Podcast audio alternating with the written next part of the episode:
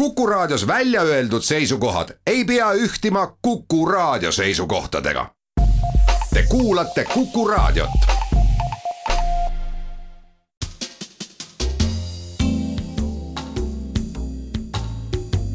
tarkade klubi tere taas, Tarkade klubi tervitab häid kuulajaid jätkuval õiguskuu teisel laupäeval, kui kuuldavasti see, mida lõigata jääb, küll liiga kuuma suve tõttu oodatust kasinamaks ning ajal, kui ovaalsed ja irratsionaalsed metsasaadusedki senisest vähemas kvantumis end kätte andmas on. Siinkõnelejast saatejuhil on hea meel stuudios selles rollis tagasi olla ja üksiti ka suurim tänu avaldada suvisele saatejuhile Hannes Rummule tehtud töö ja nähtud vaeva eest, mis kenadeks isikupärasteks laupäeva ennelõunateks Kuku eetris vormusid täna, kui veel pole ninast kadunud vähem kui nädala eest kustunud ja vesinikku toidetud olümpiatule leegi hõng, oleme endiselt saavutatud olümpiatulemuste uimas ja rütmis, unustamata siiski argipäevast mälumängu tema tavapärastes rööbastes, mistõttu ongi hea meel tänases saates tervitada häid vanu tuttavaid ja väga tublisid mälumängusõpru. Tartu stuudios head koolmeistrit Jõgevamaa gümnaasiumist ja viljakat küsijat erinevates tele- ja fotogeenilistes mängudes, Tiit Naaritsat. tere päevast ja pildi ning sõnaga palju töötavat režissööri ja kirjameest Andres Keili. tere hommikust! Tallinna stuudios on neile vastu astumas aga reaalsema kallakuga mängijate paar. keskkonnainsener, Šotli keskkonnatehnika tehnikadirektor Indrek Salis. tervist! ja käsipalli ning mälumängumaestro Jevgeni Nurmla. tervist! tore, et te olete meiega. loodetavasti olete tänavuse suve pakutavalt viimast võtmas ja valmis ka üksteisele lahingut andma. tagamaks nüüd headele kuulajatele sujuvamat üleminekut Hannes Rummu juhitud saadetest Timo Tarve juhitavatele saadetele, oleme tänase mängu teemad pealkirjastanud sama luuleliselt ja kõnekäänuliselt, kui meie hea suvesaatejuht tegi. ehk siis täna tänased teemad on, igaühel on ju üks kord aastas sünnipäev. Eesti kaart on rahulikku värvi. nüüd kirsipuud õitsevad kõikjal.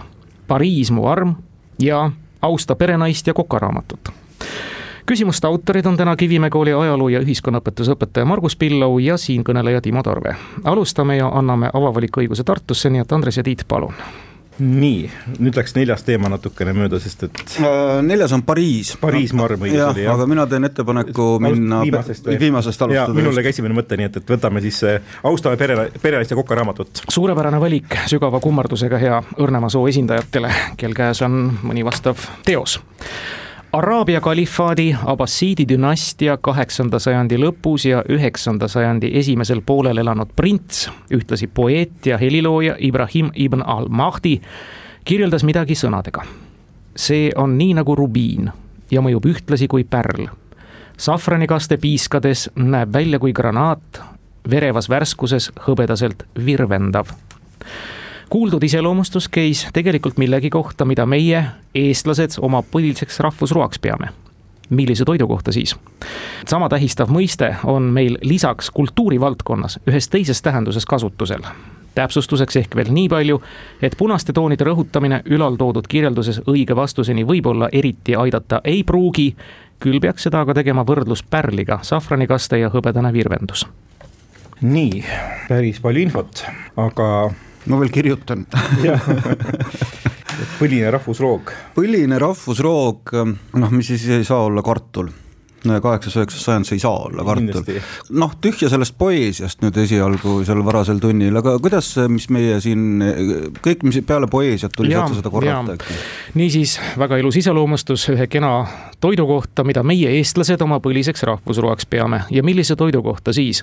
sama tähistav mõiste on meil lisaks kultuurivaldkonnas ühes teises tähenduses kasutusel. täpsustuseks veel nii palju, et siis jah, punaste toonide rõhutamine ülaltoodud kirjelduse õige vastuseni võib-olla eriti aidata ei pruugi küll peaks seda ka tegema võrdlus pärliga, safranikaste ja hõbedane virvendus mm -hmm.. ühesõnaga, et niisugune kollakas äh, hallikas roog võib-olla äh,. pärlmutter ja hõbedane virvendus, aga kultuurivaldkonna äh, noh, see saab olla nii stiilis nagu, et nagu kõrt näiteks, eks ole, et kõrt on ka seelik, aga see ei ole kultuur tingimata, eks ole äh,. jah, jah, jah, või see, nojah Näiteks. või ma ei tea, sorbett, kuigi ma ei tea, mis noh no, no ühesõnaga, ühesõnaga ta peaks olema nagu midagi, ja, ja, ja, ja ei, ma lihtsalt püüan nagu lahti teha pead. kultuurivaldkond. aga mis on üldse meie nagu peetakse iidseteks rahvusroogadeks, noh? noh, ikkagi mingisugune kaerakile.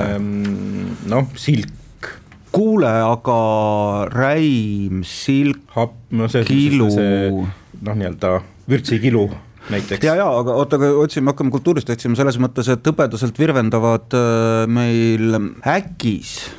kas äkis on mingisugune kultuurivaldkonna mm,, sest kala tule... on iseenesest nagu jube hea mõte. tule tuttav ette. äkiline on ta no, ju ka kuskil. see võib olla mingi tants, võib-olla näiteks mingi äkiline, eks ole, et mingisugune stiilis äkiline kaerajaan või äkiline Rein Lender või? Andante, eks ole, mis on mm -hmm. vist jalutades, eks ole, või noh, see on nagu mhm. äkiliselt mingisugune mm -hmm. tantsu noh, nagu mõiste sellest, kuidas sa pead, kuidas Anna Raudkats on märkinud seda, mismoodi sa seda kõike kargama pead, eks ole mm.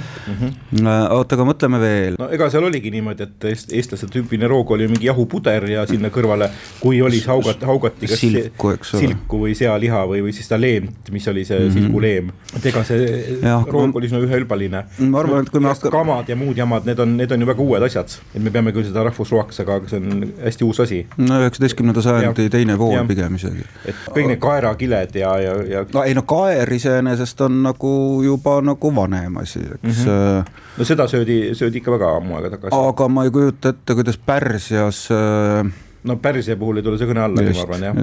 et see silguvärk tuleb pigem, pigem veel kõne alla. kas meil mingisuguseid toore kalaroogi veel on või?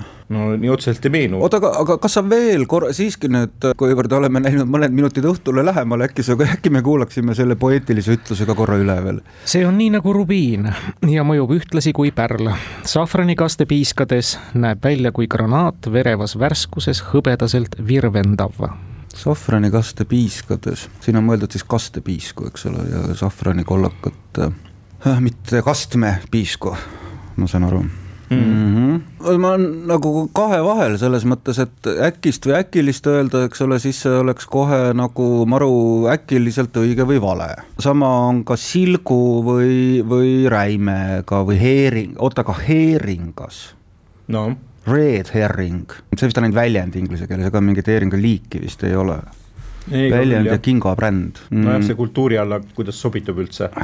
Oota, aga kas red, no jaa, aga heeringas ei ole, no aga mis see heeringas, no mis see heeringas on siis nüüd äh, kasukas, heeringas hapukoorega, see on ikkagi rohkem nagu vene ja vene, eks. sealt kuskilt tulnud ja. jah, et võime pidada enda omaks küll, aga, aga ei, ei ole ilmselt see. Ja midagi magusat, ma arvan, et see ei lähe kõne alla, sest et eestlased on ju magusa poole pealt ainult mett söönud aegadele. aga mesi? Ei no aga mis, mis siis noh, kultuuri vallast on ainult see magus mesi raadiosaatena, eks ole, see ei ole mingi termin kuidas me teeme, kas siis äh, ütleme nagu midagi konkreetset või proovime siin ähm, no lai, ärme, laiendada. ärme siis häma, sellepärast et see, see, mida sa välja pakkusid, see on ka niisugune laiendatav asi, ses mõttes. nojah, et noh, et sinna, sinna sisse võid sa ükskõik mida no, teha. no põhim-, nojah, et teeme siis, lähme siis ikkagi sinna äkise ja äkilise juurde vot äkilist kaerajaani oleks huvitav vaadata, ei ole kahjuks õige vastus Indrek ja Jevgeni kas see araablane ütles just nimelt selle toidu kohta niimoodi? jaa, ta ütles selle toidu kohta, kirjeldas seda nõndaviisi. kas siis Araabias sellist toitu oli ja võib-olla oli?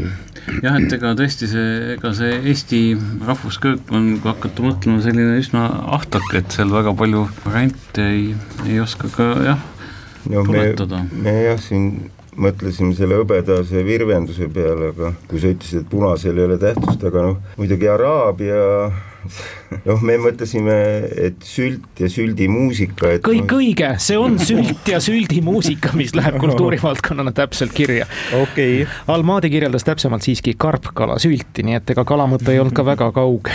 Indrek Jevgeni, te saate teema valida. pagan. no Araabia ja sealiha, kuidas me oleks pidanud selle peale tulema? karpkala. tasapoisid juba jah. halal kala, jah. nii, mis me siis võtame siin on no,? sellest ähm, toidust, ma ei tea kas järgmine kord nii hästi läheb, aga võtaks Eesti kaardi äkki ette. no praegu küll ei meenu eriti, aga noh, võtame. teeme nii, Eesti kaart on rahulikku värvi me küsime ühte looduslikku ala Harjumaal, mis näiliselt ilmselgelt eksitavat nime kannab, kuid süvenedes kõik loogiliselt paika loksub selle pindala on kakssada kolmkümmend viis hektarit, praegusel kujul vanus ligemale kolm tuhat aastat geograafiline osa antud küsimusest sellega lõpeb ja jätkub ühiskondlikus võtmes. mullu kevadel, eriti märtsi teisel poolel, tõusis antud küsimuse objekt teatud vastuolulisel põhjusel sotsiaalse tähelepanu fookusesse. millisest paigast me räägime? looduslik ala Harjumaal, mille nimetus viib eksiteele natuke. ilmselgelt eksitav hmm.. ja mullu äratas sotsiaalset tähelepanu. märtsis just, märtsi teises pooles. looduslik ala, kas siis äh, kolm tuhat aastat vana, no kolm tuhat aastat vana, mis mõttes saab nagu looduslikku ala vanust niimoodi täpselt paika panna ainult kolme tuhande aastaga, et, et äh, ma ei tea, kas seal on siis tehtud väljakaevamisi, mis see tähendab kolm tuhat aastat vana? ma, ma ka ausalt öelda ei saa täpselt aru.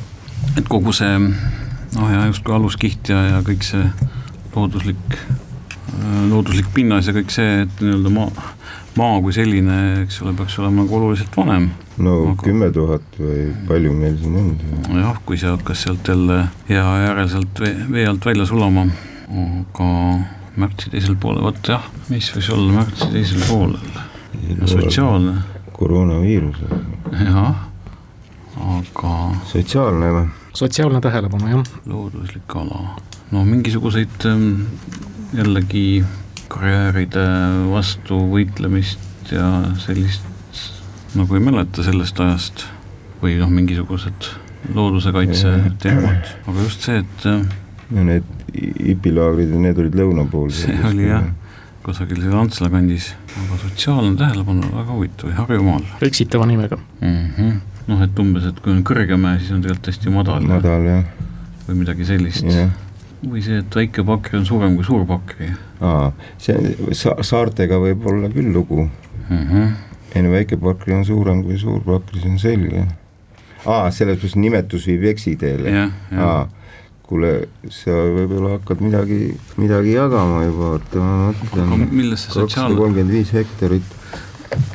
no see oleks ka loogiline, et ta on nagu nii-öelda merest jah, merest ja, ja. hiljem. tubli, tubli, tubli. aga, aga millega siis see sotsiaalne tähelepanu siis võis, võis küll sinna no ükskõik millega. teises pooles, aga noh, ega ma seda ei peagi me ei pea, me ei pea, me ei pea seda nagu ütlema, et aga me peame lihtsalt koha ütlema.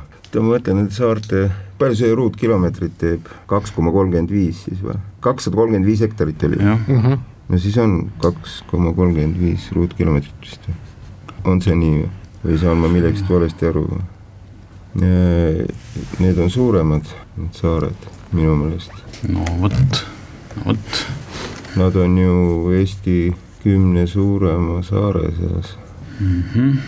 Naissaar on mingi kaheksateist ruutkilomeetrit näiteks. küll on hea kuulata, kuidas inimesed mõtlevad jah. seda küll Kihnu, Kihnu ja Ruhnu on seal, Ruhnu on mingi üksteist millegiga. jah, et, et muidugi jah, looduslik ala on selle kohta öeldud. ei, see saare mõte on sul väga hea mõte. aga noh ähm, et just nimelt no, saare kohta saab öelda ka looduslik ala. no ei, loomulikult, et ja siis ongi, et noh, et siis sealt vormub see kolm tuhat aastat, asi on selles, et eh, noh, et kui ta on merest tõusnud, et noh, et selles mõttes, sest ja, muidu eh, maismaad on ikka väga raske niimoodi öelda, et noh, et see, vot see on nüüd kolm tuhat aastat vana, noh. -hmm, aga noh, meil, meil see sotsiaalne tähelepanu kuidagi ei ole ha haakunud, et kas no, oleme... jõuad sa siis ka kõike jah, tähele panna? just, kas me oleme ikka nagu õigel teel, eks ole, et mm. ma arvan poolteist hobuse pikkust üks asi, noh looduslik ala, see ei saa mingi veekogu olla, äkki mingi veekogu, veekogu ka ei saa olla. jah, kuule, see läheb nagu keeruliseks meil siin vist jah, juba nii pikalt mõelnud. Ma ei tea, siis ilmselt kui nad on väiksem, siis peaks ütlema, et see on suur pakri siis jah kui see on ainult tõesti jah, see no mõle, mõlemad on pindalad suuremad, aga ega, ega me noh, mis me siin kiusame neid, nad juba kibelevad vastama, noh, sa ütle neid, ma ütlen õigeid vastuseid, sa ütle neid valesid. Noh, ütleme, et siis jah, tegemist on looduslik kala võiks olla Pakri saared ja siin siis konkreetselt siis Suur-Pakri. vaat ei ole jah õige vastus selles jaos, ma loodan, et see kokkulepe nüüd ei pea, vaid õigeid vastuseid rohkem kuulda, aga Tartu nii-öelda enesekindlusest on tunda, et te teate. me, meil võib minna rappa. me jah, kamba peale, kamba peale siin mõtlesime, et, et no, siis teid on rohkem seal või? et kui, et kui Raekoja plats oli tühi ja seal ulus tuul, samamoodi ka Kullassepa ja Harju tänaval, siis inimesed ikkagi kakerdasid kuskil mujal ja, ja kakerdasid rabas noh, äkki see oligi siis kakerdaja raba? see on üks mõte meil. see on poole punkti vastus, ma tänu sellele okay. annan, et kakerdaja raba asub seal lähedal, mille kohta me küsime, see eksitav nimetus on Viru raba, mis asub tegelikult Lahemaal, Harjumaa piires, vaat mm. nii mm.. Ja... õigus, ma teadsin, et mingi raba on, aga mul tuli see Viru ja meelde. tõesti, ja, ja, mõte oli teil õige, Virumaa ajaloolise piiriga vahetult külgnev, tegemist on kinni mm -hmm. kasvanud järvega, koroona esimese laine ajal tõttasid segaduses inimesed, eriti pealinnast ootamatult esile kerkinud mm. hirmudest johtuvate pingete mahalaadimiseks sageli sinna. ja et nii suure rahvahulga jaoks kitsaks osutunud laudtel liiklemine või spetsialistide kartusel nakkuse levikut aga pigem soodustada. seesugune lugu oli tõesti, pool punkti te teenite.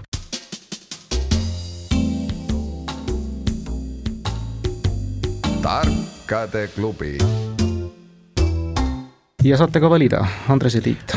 kas läheme kokaraamatu rada edasi või? või vaatame Jaapanisse või? Timo sealt ju tuleb. kirsipuud mõtled siis? ma arvan, et mis see muud saab olla kui Jaapan no ma ei tea, see võib olla ka rattasport näiteks või, või lihtsalt, lihtsalt laiemas mõttes loodus. ütle sina. katsetame seda kirsipuude värki no,, äkki on Jaapan. tõepoolest, mõistagi on see teemarubriik ühes Heldur Karmo eestindatud sõnadega teemaviites pühendatud Jaapanile. esimene küsimus kõlab, tuhandete imede maal Jaapanis me leiame ühe ime Susamist Wakayama prefektuurist, mis mõnisada kilomeetrit Tokyost lõuna pool asub. tegemist on Guinessi rekordite raamatusse kantud objektiga, mis asub kümme meetrit allpool veepinda. millise objektiga? alates tuhande üheksasaja üheksakümne üheksandast aastast on see objekt mõistagi ka suur külastamisatraktsioon, millest annavad aimu enam kui kolmkümmend tuhat ühikut nähtavaid tõendeid. maa peal pole see, mille kohta me küsime, aga mingi haruldus, esimesed sellised näiteks Pariisi püstitati seitsmeteistkümnenda sajandi keskel ehk siis Susamis, Guinessi rekordite raamatusse kuuluv objekt, kümme meetrit allpool veepinda. suur külastamisatraktsioon, millest annavad aimu enam kui kolmkümmend tuhat ühikut nähtavaid tõendeid esimene mõte on mingid terrakotas, terrakotaskulptuurid või mingi skulptuurilinn või, või mingi niisugune asi, eks ole. jah, et nagu, et avastati või nii. jah, aga see rohkem seostub nagu Hiinaga no,. mul, mul nagu tuli meelde ikkagi esimese mõttena, et esimesed objektid Pariisis seitsmeteistkümnendal sajandil, et noh, näiteks ikkagi mingi veealune hotell või midagi sellist. ei no kolmkümmend tuhat ühikut no kolmkümmend tuhat külastust. ei, ei, ei, ei, ei, oota, mis see kolmkümmend tuhat on mida siis, külastust või? ühikut nähtavaid tõendeid. nähtavaid tõendeid, ehk siis kolmkümmend tuhat skulptuuri, ma pakun. jah, et ses mõttes küll, aga ka see Pariisi vihje oli nagu selline nagu. ei no skulptuuripark noh, millal hakati Euroopa linnades äh, selliseid nagu kunst, no ikka varem tegelikult no,. varem, varem ikka noh, Beriini ja ikka noh, Rooma on ikkagi varasemalt. ja, ja seda küll, jah, see Susami ei ole väga väga nagu tuttav, ei ole nagu kuulnud. aga maa-alused mingid hauakivid Pariisi, no vot jälle, eks ole. maa-alune kalmistu. maa-alune, nojah, maapealset kalmistut iseenesest muidugi veealune, veealune kalmistu. oota, aga kas need terrakota sõdalased, kas need on ikkagi ainult nagu Hiina või?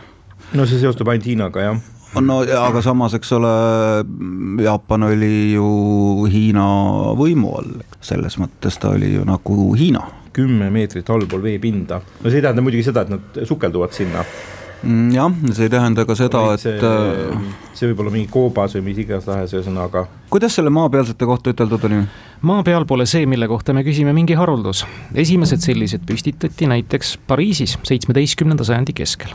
aa, näiteks Pariisis seitsmeteistkümnenda sajandi keskel, mis tähendab seda, et mujal võivad nad olla varem. Mhm.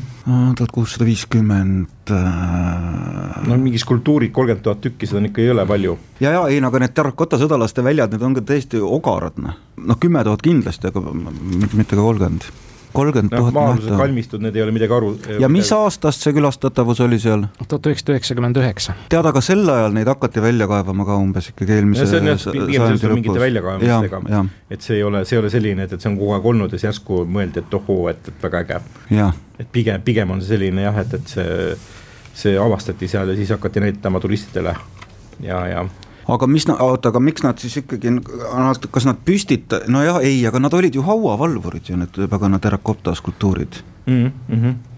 seda küll aga vastame siis äkki kuidagi niimoodi natukene laiendades, et me ei ütleks päris terrakota sõdalased, et see on nagu natukene liiga täpne mm, -hmm. sest see ei pruugi ju päris terrakota sõdalased olla, vaid äh, ütleme nii, et äh, et kolmkümmend tuhat äh, figuraalset skulptuuri pigem, et kolmkümmend tuhat Ähm, mingit tüüpi mingist materjalist figuraarset skulptuuri mm, -hmm. kuigi me mõtleme nagu terrakota sõdalaste peale -hmm. kaunis ei ole kahjuks õige vastus ja taaskord saab võimaluse nüüd ka teine pool küsimuse üle arutleda. me hea meelega kuulaks neid veel jaa, ega. Virul ei tulnud ühtegi tarka mõtet. jah, et ähm,. ma pole eriti tark ka esimesed objektid, no no just nimelt viit, püstitati. jah, et viitab nagu, nagu, nagu se, selliste asjade peale, mis kõik on nagu uuemad, noh, nagu umbes valgusfoorid või või, või et, et järsku seitsmeteistkümnenda sajandi keskel, no laternapostid, eks ole, kas enne ei olnud siis või kuidas siis? tuhat kuussada kilomeetripostid no, kõnniteed, eks ole, noh. miks ta peaks seal vee all olema, kurat, kolm tuhat ühikut, ja, ja ei, ma saan aru, et sa arutad praegu alla, alla veepinda, ega, ega, ega see ei tähenda, et nad vee all on. ja, ja allpool, allpool veepinda, jah, kümme meetrit. et äh, lihtsalt nad on kuidagi sinna sügavale nagu jäänud, eks ole, või välja, välja tulnud, eks ole aga just, et see ühikute arv on nii meeletult suur, et no sellepärast ta Guinnessite rekordite raamatus ongi, ega, ega ta teiste, see peabki suur olema aga noh, tähendab, siin peab kuskilt kinni hakkama selles mõttes, et Pariisis seitsmeteistkümnendal püstitati, see tähendab, et nad ikkagi siis kas kuidagi ehitati. jah, noh, et ähm, noh, tähendab püstitati, rajati. et midagi noh, väga, väga suuri ehitisi ei saa nagu siin selleks nagu olla, vaid pigem mingisugune jah, rajatis, mida püstitati, et äh... sinu mõte nendest laternapostidest oli noh, umbes selles stiilis, et noh, et jah, maa peal pole, pole haruldus, aga maa peal pole haruldus. aga, aga jah, kas siis äh, no kolmkümmend tuhat, noh, Jeesus kolm tuhat ikka. kolmkümmend. kolmkümmend oli. kolmkümmend tuhat. lause on siis selline et alates üheksakümne üheksandast aastast on objekt mõistagi suur külastamisatraktsioon, millest annavad aimu enam kui kolmkümmend tuhat ühikut nähtavaid tõendeid. aa, tõendeid, noh, see on võib-olla see, et J-Spüll jaa, et keegi aa, keegi ongi sodinud sinna. ja, jah, ja, jah et.... aa. ja, ja poisid keegi on sodinud, aga kuhu sodida mm? -hmm. kuidagi jõudsalt ja hoogsalt läheb see mäng meil täna. Läheb ladusalt, ludinal no esimesed sellised, no ei saa ju olla ka mingisugused surnuaiad või, või, või, või need olid ka ju enne olemas, eks ole, mingil kujul, et ja, ja no kõik need äh, hauaplaadid ja asjad, need olid ju enne kõik olemas. jah, mida siis püstitati, eks ole, jah. ja, ja nüüd, kui me tuvastasime, et nad on sodida saanud nende peale, siis peaks või kuidagi jah, ennast väljendada saanud, pannud mingeid äh, lipikuid või torganud, aga noh, see, et ühesõnaga kuhugi mahub vähemalt kolmkümmend tuhat mingit sellist, sellist ühikut ära, aga, aga, ega see nagu, nagu lihtsamaks ei tee seda elu. esimesed praegu. Pariisis püstitati tuhat kuussada, no sillad olid ka ennem osa, olemas, on ju. no ikka jah, pidid olema küll jah. ja akveduktid, asjad olid ju olemas, nii, mis veel püstitada ja miks just üheksakümmend üheksa, kas see on kuidagi seotud, et või lihtsalt võib-olla sellel ajal siis kaev-, kaevati nad välja, et need asjad. võib-olla jah, et to toodi nähtavale lihtsalt mm. -hmm.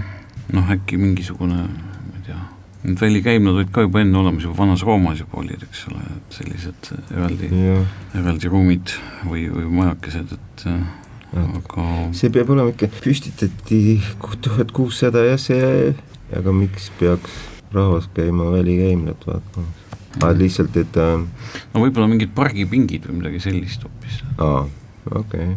noh, midagi me peame pakkuma, ega siin see esimesed Pariisis need pargipingid, see juba, eks see oli nojah, parke võis ju ka ikkagi enne olla, aga aga noh, vot ei ole siin niisugust head ja helget mõtet selle kohta. jah, ei ole neid, need reklaampostid, need ümmargused see vist on ka nagu kahtlane, aga, aga mine tea, aga mine tea. ei, ei, ma ütlesin aga... ma ütlesin rumaluse, aga ma arvan, et. noh, siis ju oli Molière ja.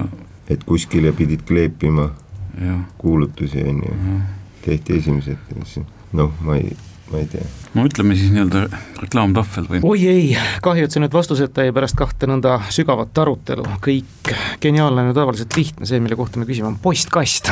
ikkagi postkast. kolmkümmend tuhat kirja, mida on siis saadetud üheksakümne üheksandast aastast alates, kui see postkast on ikkagi vee alla su suumis paigaldatud ja seepärast ongi hästi suur turismiatraktsioon, veealune postkast, kuhu saavad siis sukeldujad oma kirju ja postkaarte läkitada.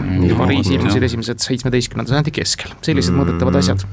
jätkame, Indrek Jevgeni, te saate valida teema Lähme siis, mis, mis see esimene teema oli?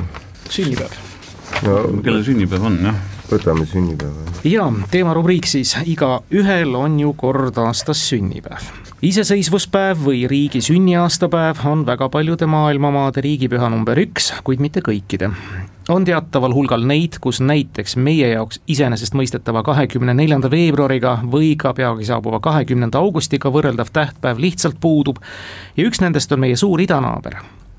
Praegu on välja kukkunud nõnda, et tähtsaimaks riigipühaks on seal kommunismi kokkuvarisemise järgses identiteedikriisis kujunenud võidupüha, üheksas mai veel on neil Venemaa päev kaheteistkümnendal juunil, mis aga vaevalt, et paljudele erilist tähtsust omab, või samuti rahvusliku ühtsuse päev neljandal novembril.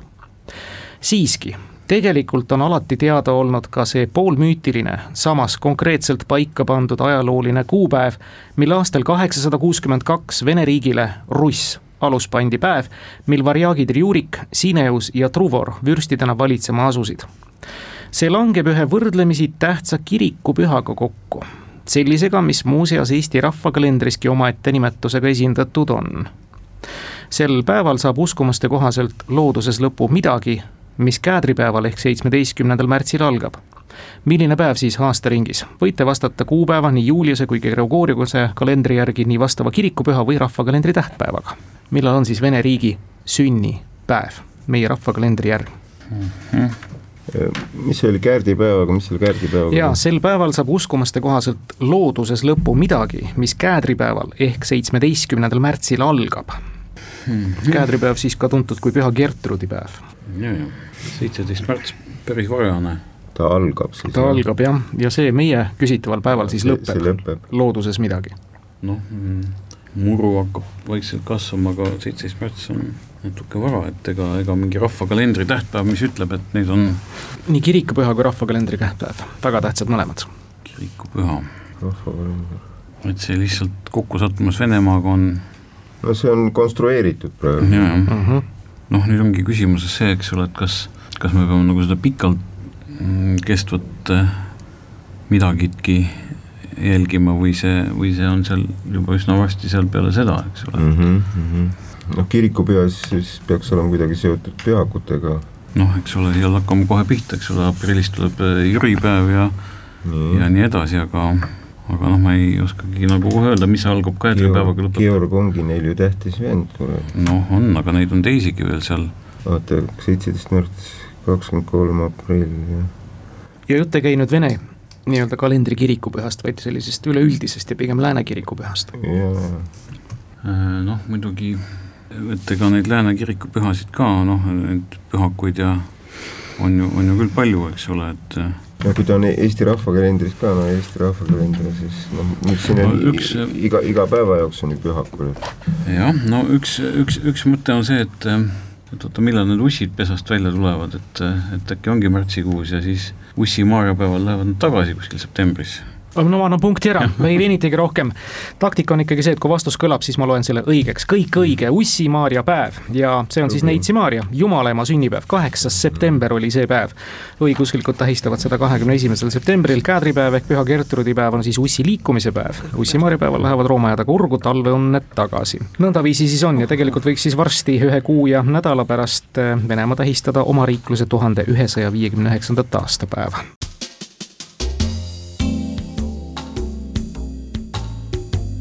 Tarkade klubi. neli küsimust on selja taga.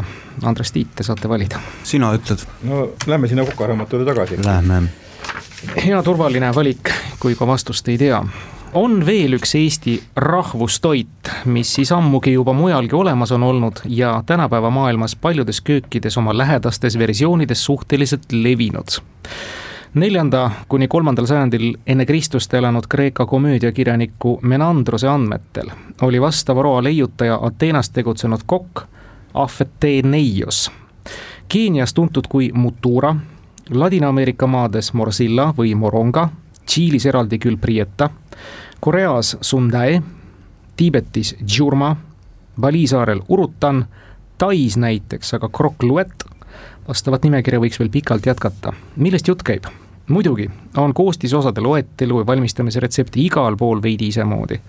Mongoolias muuseas olevat omal ajal Džingis Khan isiklikult välja töötanud meetodi, kuidas küsitava väärtuslikku põhitoorainet kõige paremini kätte saada ja säilitada. Tüüringis Saksamaal toodetav variant on enesele Euroopa Liidu geograafilise tähise välja võidelnud.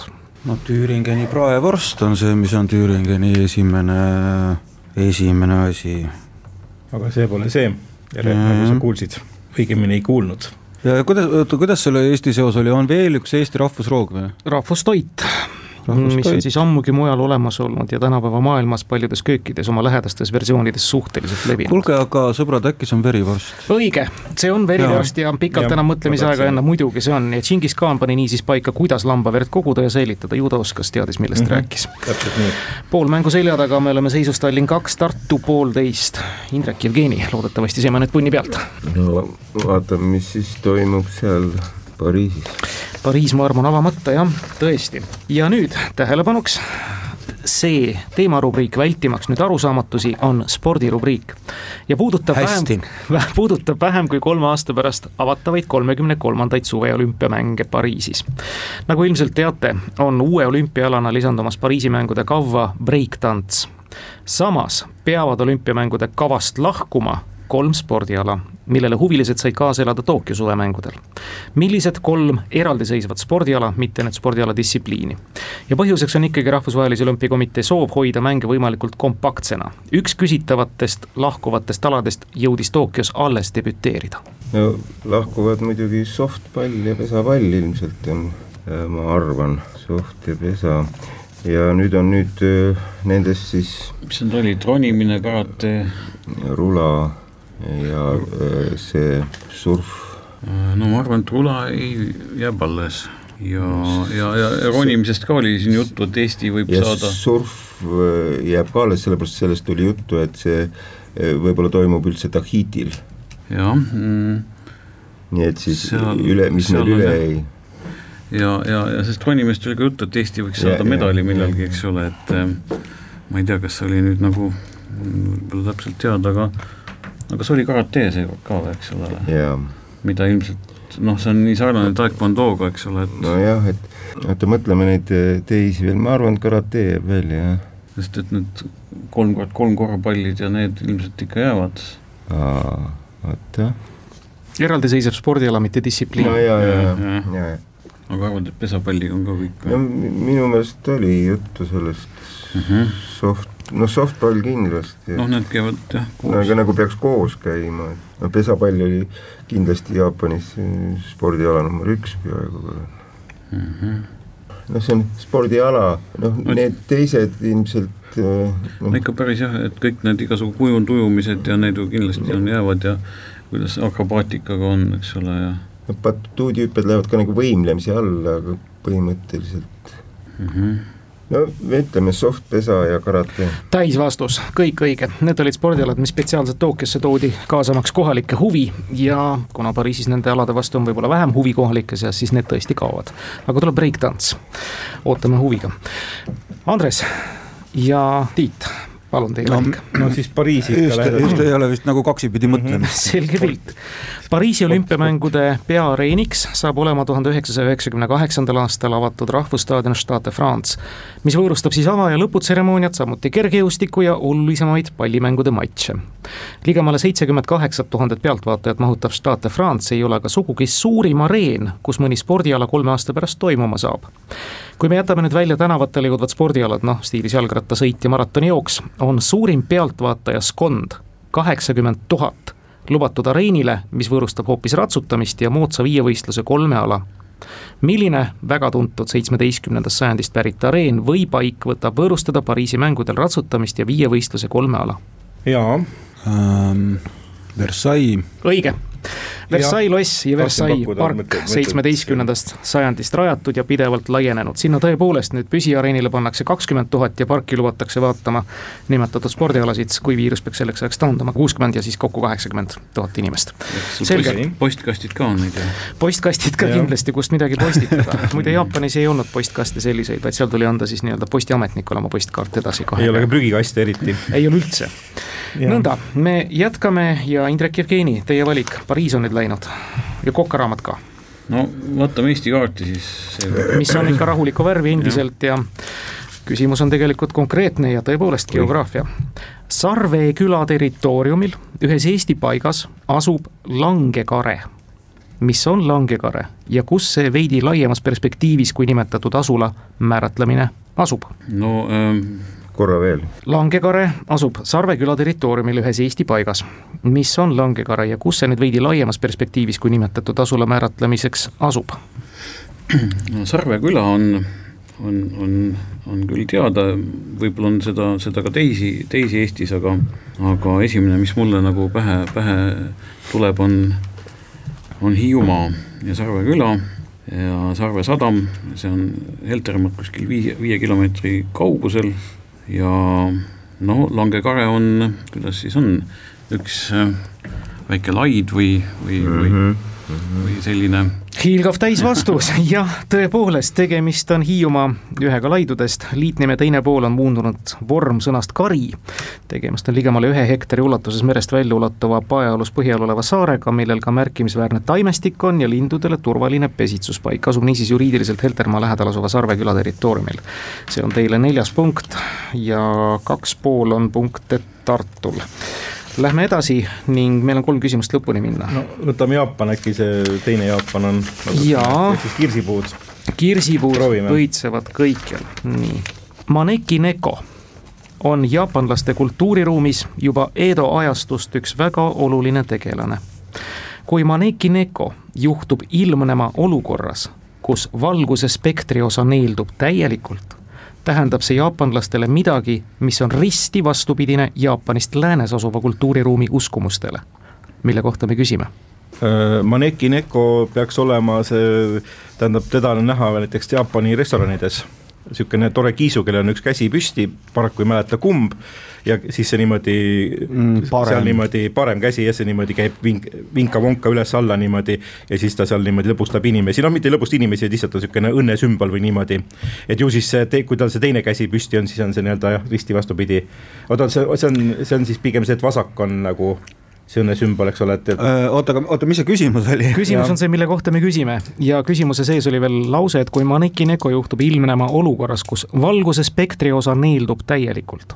ehk siis, kui on pime, öösel.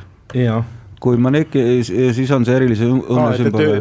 vaata, seal öösel on kõik kassid hallid, eks ole, et siis järelikult seal on vastupidi. et jah, see on sihuke kiisu, kes on seal Jaapani restoranides äh, kenasti, sihuke õnne, õnnetoov sihuke kujukene. no selle teadmise eest juba annan punkti ära, noh tahtnuks küll kuulda täisvastus, mis on siis see, et must kass tähendab jaapanlastele erakordselt ah, õnne ah,, helgust ja hiilgust, vastupidiselt nüüd lääne kultuuriruumis uskumustele, kus must kass tähendab ikka õnnetust. kena, see läheb nobedalt kolm pool teil -hmm. Tallinnal neli, nii et endiselt väga tasavägiselt jätkame ja palun. üks, üks küsimus on jäänud ainult või? ongi üks küsimus jäänud, jah. minu meelest üks on nii, jäänud. vabandust, siis ma olen midagi nüüd lõppu on läinud kuidagi nii ruttu. nii, ja see on siis nüüd sünnipäeva küsimus, Tallinn saab seda kuulda. Irina Embrichist sai äsja neljakümne üheselt vanim Eesti olümpiavõitja ja antud kontekstis ei ole daami vanusest rääkimine mitte ebaviisakus, vaid koguni auasi. eile, kolmeteistkümnendal augustil oli aga tähtpäevade sünnipäevade kalendris meie läbi aegade noorima olümpiavõitja nimi. Öelge see nimi. selle kõige säravama medali sai küsitav isegi veel teismelisena. noh, noorim on e-, ega me siin nüüd ei eksi, eks ole, aga jah, ei. Ivar Stukolkin oli. Ivar Stukolkin peaks endiselt tulema jah kui olümpiavõitjatest juttu on, jutt on olümpiavõitjatest, meil ei ole ju neid äh, rooli, rooli, aga paadipoisse. viieteist ja neljateistaaastasi, oota, aga mõtleme, mõtleme rahulikult. Šmigun sai alles ei, ei, vanem, vanem, vanem. no see äh, Stukolk oli minu arust ta oli küll üheksateist jah, veel tollel ajal jah. üheksateist jah, midagi taolist. kõik õige, täpselt nii see on, Ivar Stukolkin ja ujumises siis Moskva olümpiakulda võites oli ta viimast kuud üheksateistkümne aastane ja eile sai ta siis kuuekümne üheseks, palju õnne talle. nii, mängu lõpp läks oluliselt kergemaks ja lihtsamaks headele tarkadele, selles väljendub ka nüüd see teadmine, et meil te kogusite viis punkti ja Tartule jäi siis kolm pool, üks küsimus jäigi nüüd vastuseta, see oli see postkasti küsimus. aga mis teile siis tänasest mängust nüüd parimana meelde jääb? no mina pakuks välja, et äh, tegelikult see Versailles lossi teadmine iseenesest ei olnud raske fakt, aga see oli, see oli huvitav, et, et ei olnud nagu, ei ole veel teadvustanud seda Pariisi olümpiat enda jaoks ja ja tegelikult on täitsa huvitav teada, et ka seal midagi toimub. nii et mina pakuks sellele küsimusele. mina omakorda pakuks ka Ussi-Maarja päeva, kui mis oli ka hea küsimus, jah. Venemaa riigi alguspäev. mis Tallinn?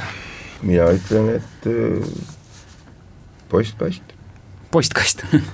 Ainus, mis vastamata jäi, jah. nii, siis postkast Susumi linnas kümme meetrit allpool merepinda, ma nii lootsin, et ka nii värvika kirjelduse süldi kohta võib-olla ära mainite. jah, see sült seda, seda küll, jah.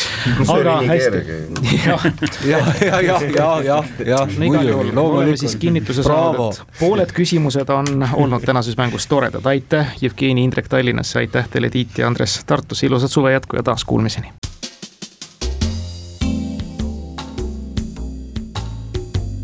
tarkade klubi